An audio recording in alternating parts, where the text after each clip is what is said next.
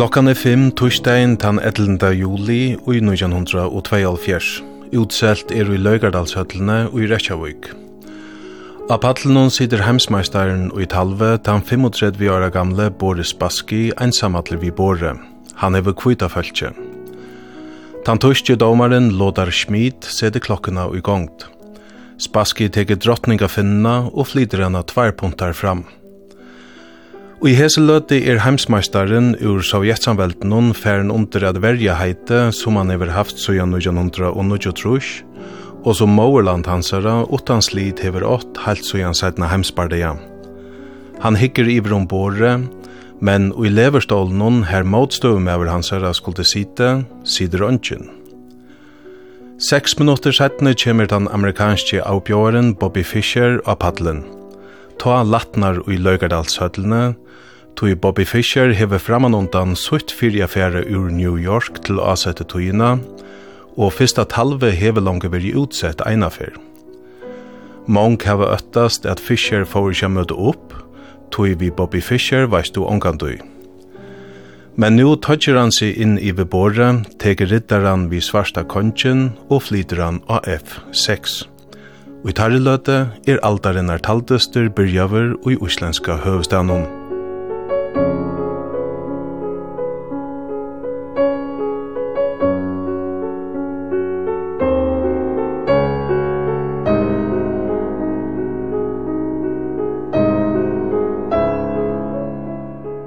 Telva hever veri om heimsmeistaraheiti og i talve så jan 1846, men hesafer er haimdisteren av fyrsta sinne våren forsøgjusøva og i fjellmylnon. Viruslønnen er 250.000 dollarar, nærum 20 fyrir meira enn ui undanfarna haimdistenon, ta Boris Baski, Basti heimsmeistaranon, Tigran Petrosjan.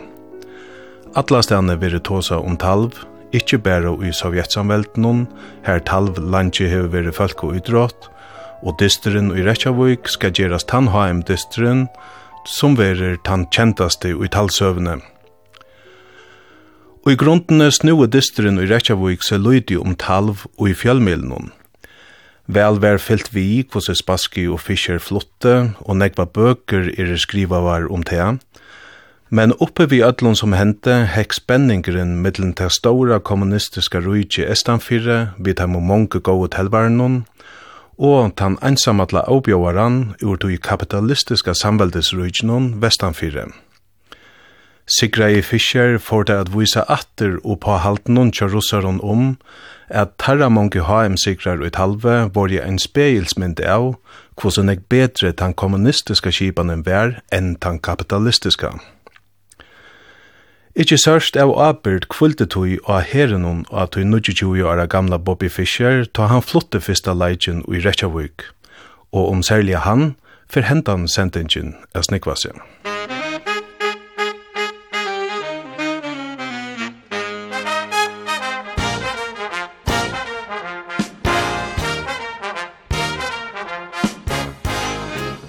Bobby Fischer vuste til Jan at han hei kjølsamme gaver som telvare. Han var føtter i Chicago i 1934. Papan, som var av ungarskar i att, var han løytes hemma vi, men mamman Regina, som hei polskar og jødiska rötter, var en klok og mivås kvinna. Sister Bobby var fem år eldre enn broren. Atlant har bandom hei mamman sitt strøy av deg. Hon var ofaklart, men i USA var fer av boskapen hon og arbeid var mange fåan, eisene tjata man ofaklarte. Nuslomentanen hei tidsi dig og asem, sjånvarpe fleit iver vi lokkande løysengon, og mentanarlia bjarskjøkne var eisene og hettene. Eina tøy fjakka og tei trui fra boi til boi, men at enda bosettus dei i Brooklyn og i New York, og her mente Bobby Fischer seg som unger mever. Det var heppe, tog kan nekar bojer i USA kallast høvestavur i talve, er da New York. Som bad var Bobby Famalter, men sett mengan og potlaist vi brikkaspøl og gater, og ta han var seks år gammal, gav systeransare honom eit halvbor. Saman lærte desse mannagongtina. Fischer gjør det så hotidgen av at helva, er at mamma hans er at tårte ytla er leta sånne være ensamatlan. Men så sendte hun en og blei en løysing etter jaunaltron som kom til telvo i sånne noen. Løsningen var omgant i prenta, tog blei visste ikke hvordan løsningen skulle flokkast. Men blei sendte taljournalisten Herman Holmes løsningene. Han skriva i til mamma Fischer under Jandro Einovald Trush, er sonneren kunde færa telva og i talfellan og i Brooklyn. Tei bægi nastu årene var Fischer nekvartøymar og i talfølanen i Brooklyn, her formøveren Carmen Nikro vant igjen. Nikro var artsumlaver om at egnesoner hans er ikkje tumt i at helva, men utne tja Fischer hotok han. Om kvaldanar plava i en bobby mammasøyna om a sleppa i Washington Square parkina av Manhattan, her bægi meklarar av partabrev og marknaden i Wall Street, og heimleser drittjumenn røntuse vid talborene. Mamma Fischer gjør det så etterfått om sonen at hun får til salarlakna vi honom, men salarlakna sier at sonen og bad i ønskjem, og at onker verre sjuka fanst enn av hodidgen av telving. Bobby Fischer var ikke beina veien et underbaden i talve. Han skilte spille sjálfsamma vel, men stod seg ikke framur i dem og første kappingen om. Ikke før enn 1904 valgt trus, da han var 11 år, gjørtes han av sonnen gåver sier han sjálfur setne. Og i 1955 gjørdes han limer og i talfellanen av Manhattan og tok seg kjøtt fram her. Eitt år setne gjørdes Fischer limer en fela fyrir talmeistarar som hittest ærekvarja vik i heima tjo einon som kallais Jack Collins. Her hitte Bobby Fischer av fyrsta sinne Robert Byrne som setne skulle gjøre stormastare. Collins sier eit størst saun av talbåkon. Talbøkernar var en oppenbering fyrir Fischer, og han les og les, tog han kunne ikkje leta vera.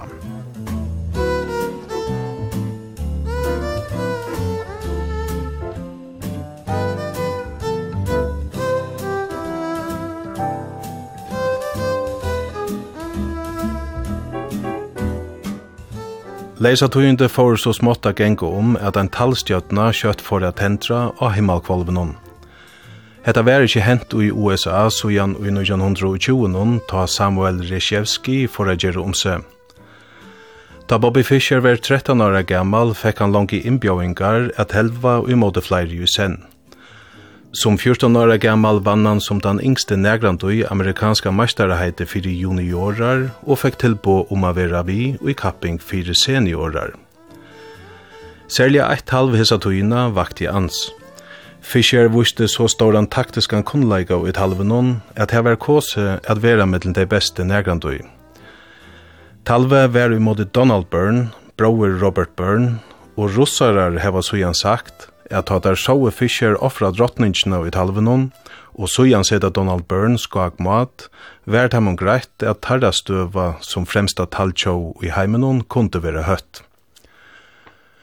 Kroppsliga gjørdest Fischer høvemæver, og som tannaringer mente han seg bæra meir og meir som telvare. Medan han framvegis var 14 år gammal, var han bøyen at helva vi om amerikanska meisterheiten.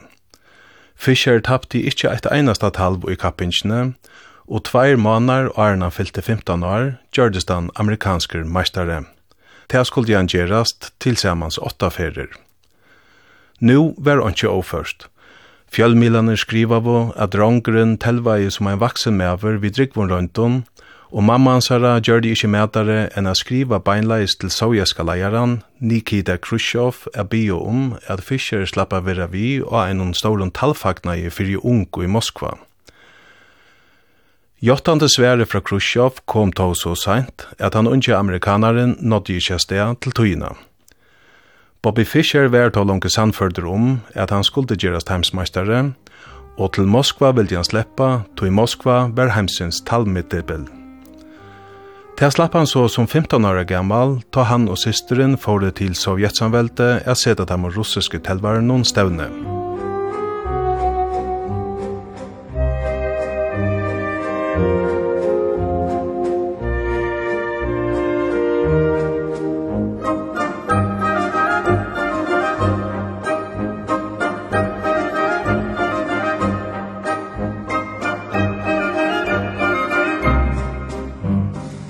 Ferien missetnaist fullkomliga, men det komst ikkje av at verstener var jo avhøvskjer. Han slappa byggva og ein og gåen hotelle, og var virter som en særlig gestur. Rossarar ville sleppa vysen om Kreml, men Bobby var ikkje komna utfyr. Han ville sleppa telva. Og morgenen får han ut halvfellet i Moskva, og at så døvra av hotellet noen, og for atter ut halvfellet her han vær til ut av kvöldet. Flere ungun telvaron telva janu i måte, men mål hansara var at sleppa at telva og i måte størmeistaron. At enda slapp han at helva nukur snærtalv i måte Tigran Petrosjan som seitene skulle gjerast heimsmeistare. Fischer var ónøgder vi bære at helva snærtalv og hans egna kjensla av ikkje a vera virter i samband vi vidjanna var opphavet til hans løvlenga stikkne til sovjetsanvelte. Etter ferina sier han barst ut at russarar bor nukur bast. Are 1908 var han i Altjava kapping i Jugoslavia, og undan tarre kappingene sier han at han atlei at helva jant og imot dem om beste, og helva tarvanalige av.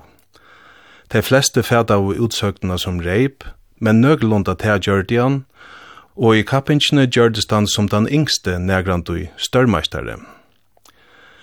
Men framvegis Jack Bobby Fischer i skola og bo i heima tja mammesunne. Sambandet vi mammena var fløkt. De skjelda vost mengan, og helst komst det av at de vore lykka klok. Malfrøyliga øyra tja mammene var framurgått, og hon tåsa i at reat enskund bei frankst, tukst, russist, spangst og portugisist. Ein søva er eisni om at hon gjørdest sjukrarøkta frøyngur i New York – fekk hon den hagsta mialkarakteren som nekar nekrand vi fekk. Bæje høttet han egenleika at hei øttavust ongan myndeleika og våre trask. Vinner våre tui fire, men fyrir Bobby vilde mamman gjera alt, og hon plava og haldande til amerikanska talsambandi om at trytja sonen futjarliga.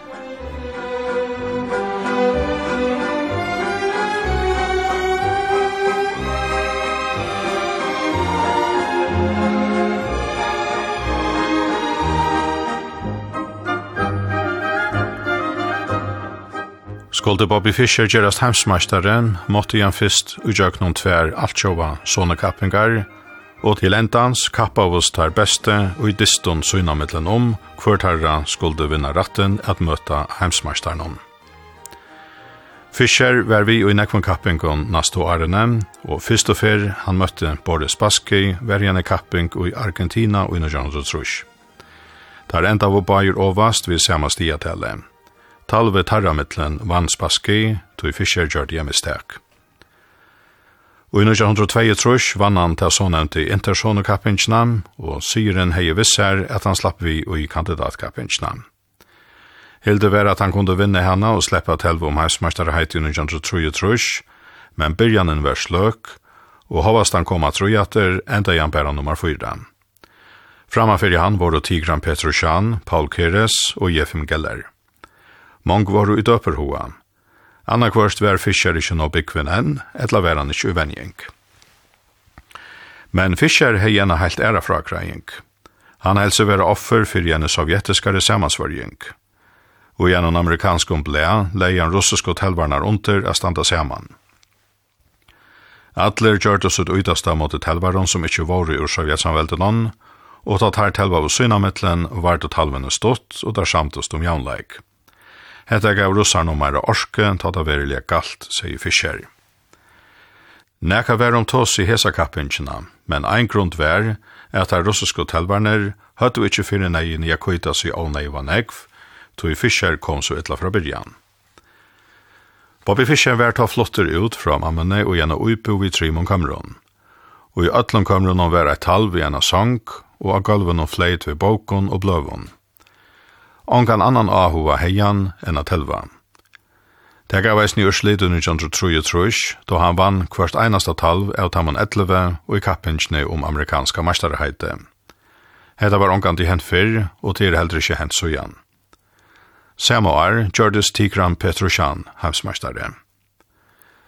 Og i ørenkappingon som Bobby var vi og i, fanns han støvåt at fyrirreikarnon og kravde meira penkar fyrir å være vi. Til kandidatkappingina i 1936 fikk han sirt fire at russiske telvarnir ikkje kundu avtale jaunleger synamittlen, tog kappingen var kipa som en koppkapping, men hovast dessa brøyting var Bobby Fischer altså ikke vi. Tigran Petrosjan var talmastaren Mikle med en parsten av 60-åren. Som heimsmastare var han kommen og i samme gåva selskap som Mikhail Botvinnik, Vasilij Smyslov og Mikhail Tal. Ein annan russiskur urmælingar var Boris Spassky, som var hilden at doa alt lukka vel i talve, byrjanarspel, myspel og endaspel. Spassky gjørdest avbjåare ta Petr Sjan skulle verja hensmestare heit i 1936. Spassky tappte samanlagt, ta at han vann 3-12, men vann seg ratten er røyna atter i 1936. Og alleiene og i avbjåare sessen tilferina, Bastian så fraun talvaron som Jefim Geller, Bent Larsen og Viktor Korsnøy. Og i 1923 rønte han seg atter og imot Petr Sjan og i dyste om heimsmeisterreit i Moskva, og hesa fyr etna just honom evinna.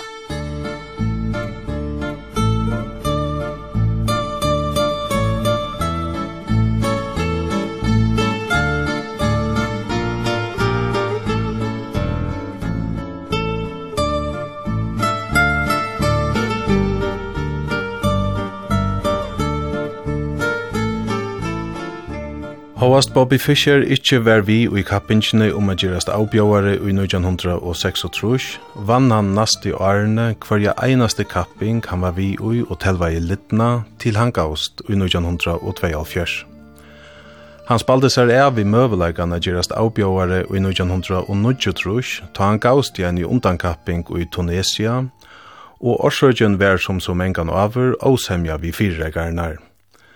Men ein og kvarjon vær greit at han nu åttafaldig amerikanske talmeistaren taldist mittlen der beste telvarnar nærgrantui, og vanta vær at fyrredlasetne får han at herja av at vinna heimsmeisterheite. Og i 1900 og halvfjers vær han så til reier.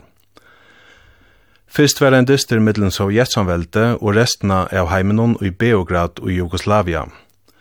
Offeren våre flere tada frattest at Bobby Fischer atleiser at vera vi. Danen Bent Larsen var tå så stersker telvare ta, at han kravte a sida av fyrsta borre, og helt ovanta tåg Fischer under vi som kreve og sette seg av anna bor. Rossarar vunne dysten vi einom stie, men av fremste boren tappte der rodelia. Fischer var bester av hemslinon og vann 2,5 imot gram Petrosjan og telva i 2 jøvn. Stort etter var en snærkapping mittlen heimsins beste telvarar. Russarar høtte ta ui hitje at vise Bobby Fischer hver skapet skulle standa, men der høtte i ongan chans. Fischer vann samførande framanfyrir Mikael Tal, Tigran Petrosjan, Viktor Korsnøy og Vasily Shmishlov. Mikael Tal sier at Fischer misti ikkje eina einaste finne alla kappingsna av Onei One Hot medan ærer telvarar og i heilon sette bei bispar og rittarar og i deia.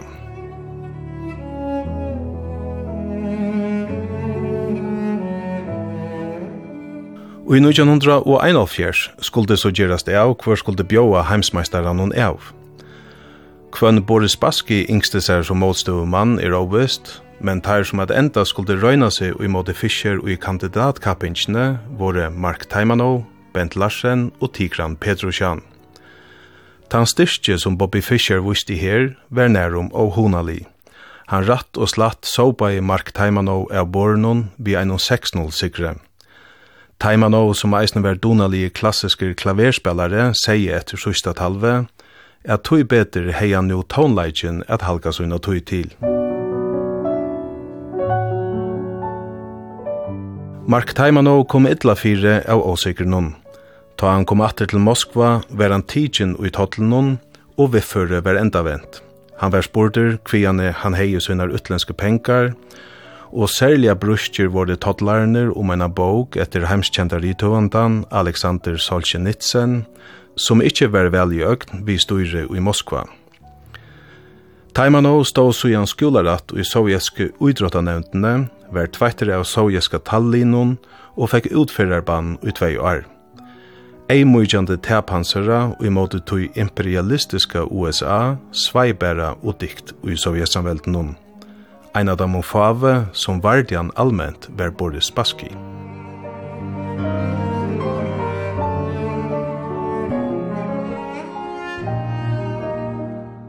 Vantande var at Bent Larsen skulle standa seg betur, tog han var stinnare til vargen Taimanov.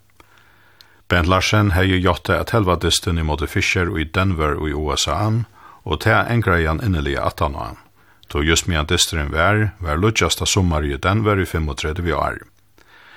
Bent Larsen vær kalla løpter kvann det, og om nottena ta han idla fekk sove, og i måte Fischer fana jan bæra borster og tappte i eisene 6-0.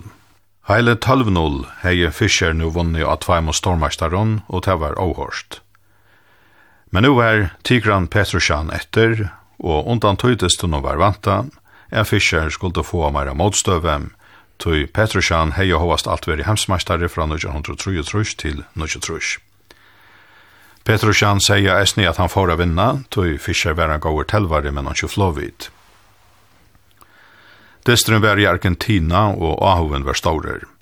Fischer var den stora stjøtnan, og sier ansara i fyrsta talven hon hova i monken og skoar om vel. Men Petr Sjan vann ta nasta talven, og så var det flere jaunleitjer. Et enda vann Fischer atter et halv, og til som etter var av holmgongene, smakka i Petr Sjan salalige saman og hei ongan chans. Loksens hei Bobby Fischer vunnet seg ratten til å bjåa hemsmeistaren av.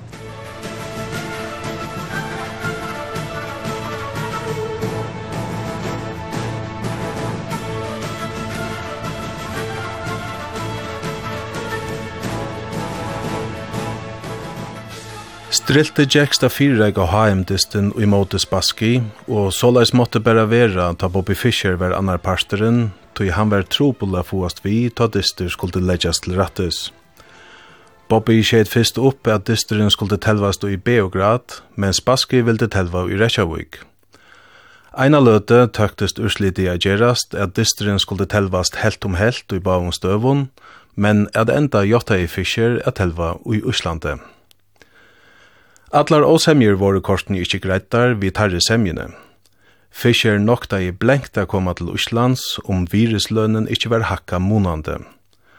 Ein rujkmaver i London avgreide tannspurningen og leie 125.000 dollarar at træt heimann 125.000 som langt lov i abornen, så viruslønnen gjørtes 250.000 dollarar. Så nek vei ikkje veri telva om fyrr og i samband vi heimsmeisterheit i talve. Undan distnun i Reykjavík vante Fischer nek kroppsliga. Han bei svem og spalte tennis og boksa i steisne. Disteren skulle byrja i Laugardalshøtlen i Reykjavík tann 11. juli i 1972. Fyrsta talve møtte Fischer 6 minutter og seint, og ta han gjør det et misteg og lastig en bisp kjøsar inne, la han etter av og spaske i vann. Fischer knarra i sujan om oljo i høtlene, særlig fra opptøketålen og ta nasta talve skulle telvast, møtte han altså ikke opp. Spaskri var kåsen vinnare og vær nu av 8-2-0. Kravet til Fischer gjørdest at her bare flotti inn i et bordtennisrum i Løgardalshøtlene borster fra opptøketålen og avskåren. Store spenninger vær med en samrast vær om spurningen, Tog i vante var avgjørst fire at fischer bæra kvarv og alls ikkje telva i distin litnan. Spassky jotta i at er fori i bortennis rume. Det skulle han kanskje ikkje haft gjørst, tog nu vann fischer sitt fyrsta talv, og etter det tria talve får der innatter i høtlina at helva hine talvene. Ta det satta talve var av, var fischer langt framanfyre vi einom stige. Spassky kom ongande velja fyrir sig atter og tapte vi fyra stion. Fischer vann 6,5, Spassky vann 3 og 11 endava jøvn.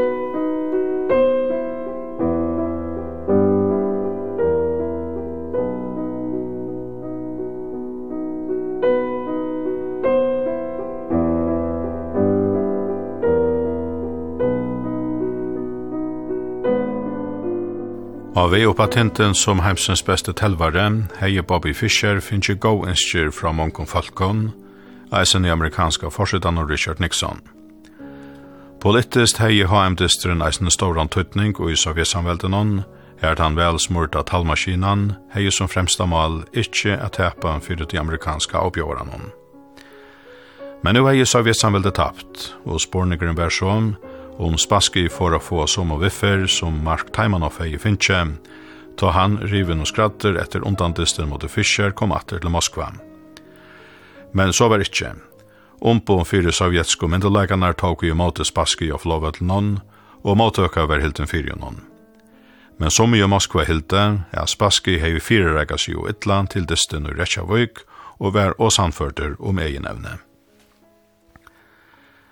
HM-distren i Reykjavík er mengan luster som en tujandi henting og i strunum mellom ester og vester.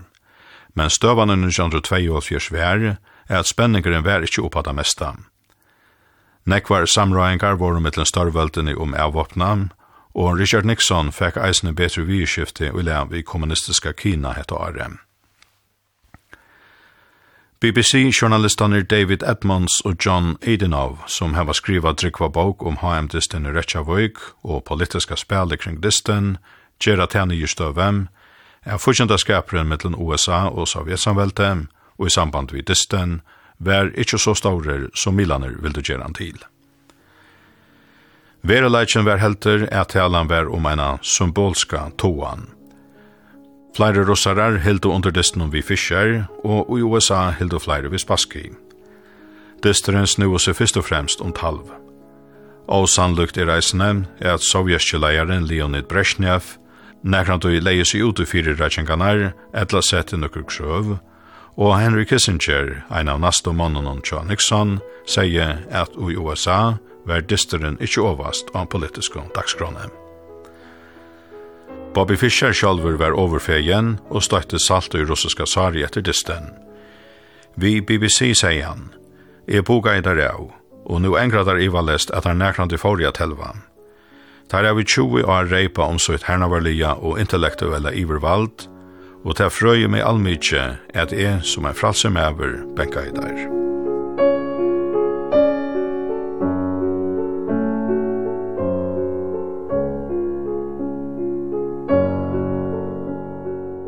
Mengan kan veri spurt hver Bobby Fischer verilige vær og om honom batte nega avvist.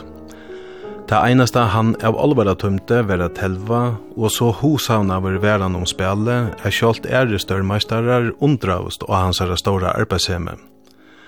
Mal hansara kvarja fer var at vinna og tappte han puntestan, men kom så fyrir seg atter vi oppater større megjem.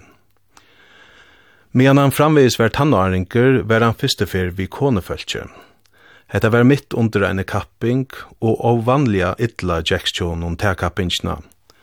Det var bæg fyr, og søstefer at han under eine kapping var saman vid konefølse, Tui tui løyge leiker bæra åregva i hushavningsna vid talbore, sier han.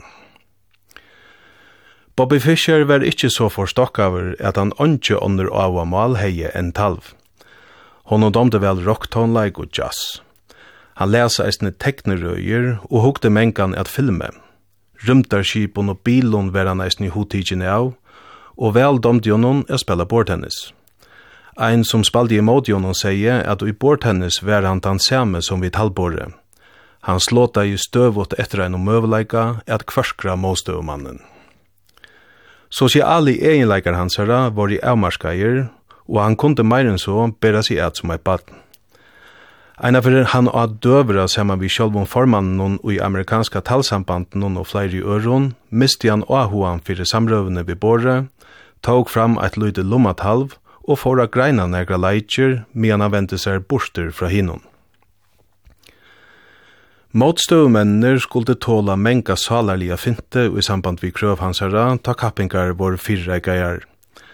Tar trøtta av oss av krøven hon, og ta der endelig av såte framman fyrir hon, var der langt strongter og øtta oss fyrir jeg tepa. Sterskaste kjenslenar, sier ein høvunder, heie fischer fyrir sin egna talfølse. Han varde deg vi hånd og fot, og jeg leda deg fatla, vær ikkje ein møvleik.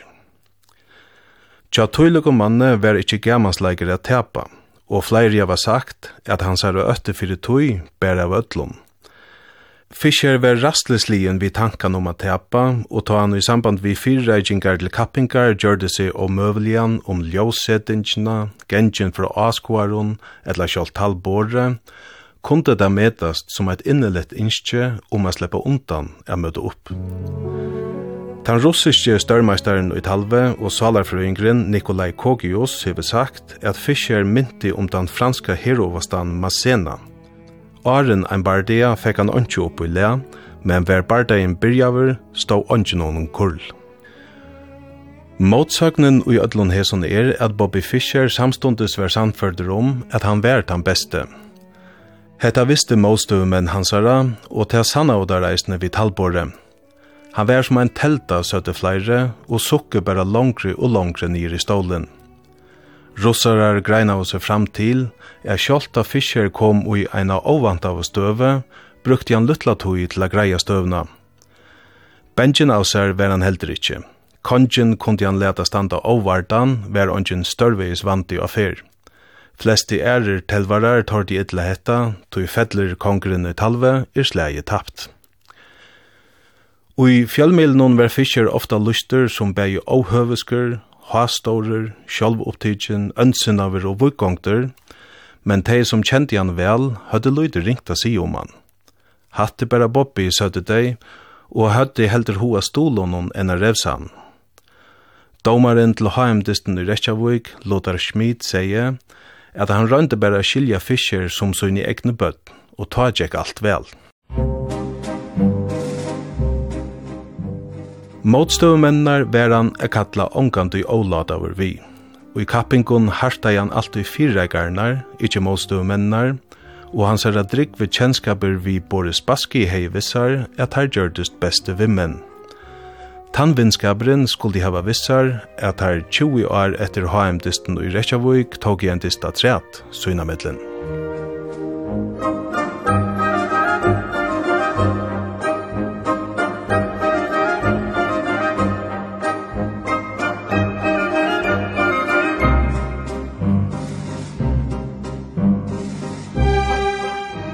Atlane var at Bobby Fischer skulle verja søyt heimsmeistarheiti i 1905 og i dyste moti Anatoly Karpov.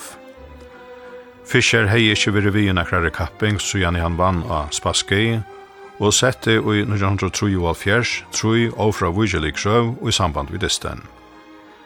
Eit grev er at dystren skulle halda fram til annar telvaren hei vunnet 2012. Eit anna vær er at oavmarska skulle vera hva som mångt tal skulle telvast, og det tria vær er at ståa jaun og nutje nutje skulle heimsmeistaren varvaita, så teite. Og funnet tja alt tja talsamgångene fite, vær ikkje tidsi under vi atlum krøvenon. Og ta Fischer fratte det, sier han i brevet at han hei sett troi og fra vidjelig krøv, og at hei ikkje kunde gengast av møte, hei fite sett seg og imot i hans herra lotøk og dysten om HM-heit i 1945. Tøy lette jeg HM-heit fra mer, enda igjen. Rønt vær av fåana brøyda meining, vi er genga omkron innskje av møtem, og fite gav Fischer og Karsbo fræst til 1. april 1945 av Vottan, at han telva dysten. Ta anjon Vottan var kommet fra Fischer 3. april, var Anatolij Karpov kosen heimsmeistare. Karpov harmaist om at såleis skulle gengast, og sier seitne at fekka han møveleggan at helve måtte fischer heia mense negvskjåtare som telvare. Vi marskarar så igjen sagt at nu fischer var våren heimsmeistaren, vil de mest sannlukt ikkje koma ut til støvige tepan. HM-heite gav noen sanna vire som telvar jo menneskjan, Men som løte han ei vunne, skulle han tåle at ånder sette i og treter, og hesson fann han sig i. Ein som vart i hans herre krøv var Viktor Korsnøy. De krøv som fischer sjette var rymelig for en mestare, sier han.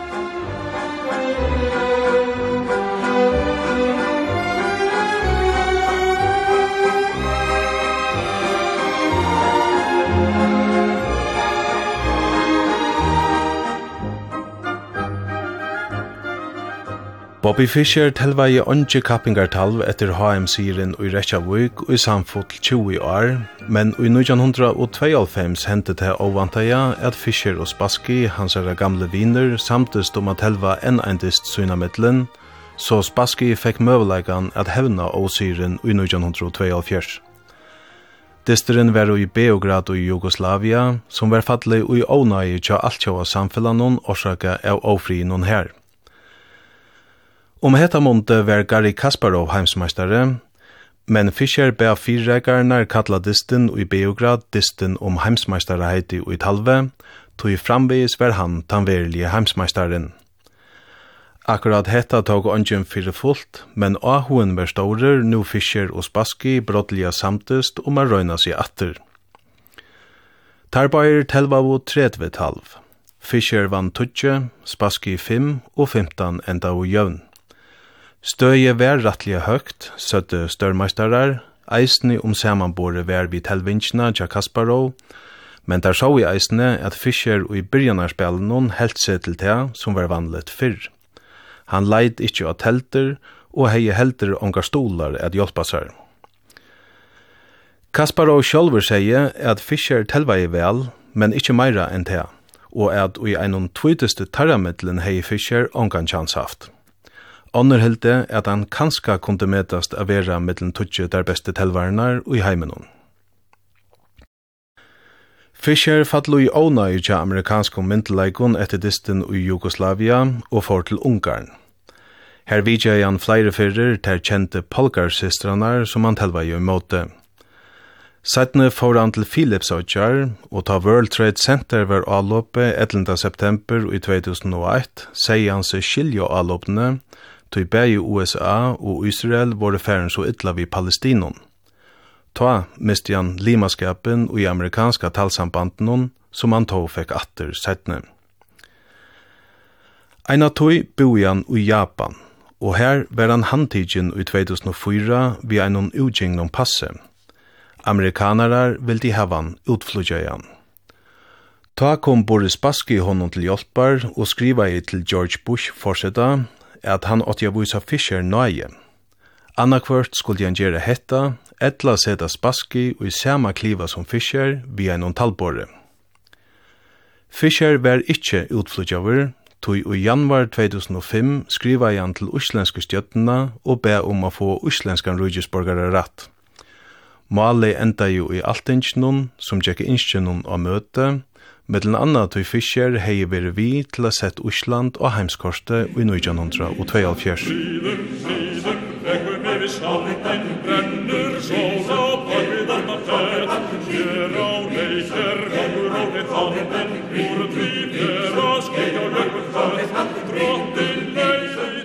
Sujan for Bobby Fischer til Uslands, her han boe ui ein i uibu, beint vi uibuuna tja gardare sverre sine, gamla vine og talsmanne sunnum. Kona Gardar var sjukrarøktarfrøyngur og passa i fischer tog han var sjukur.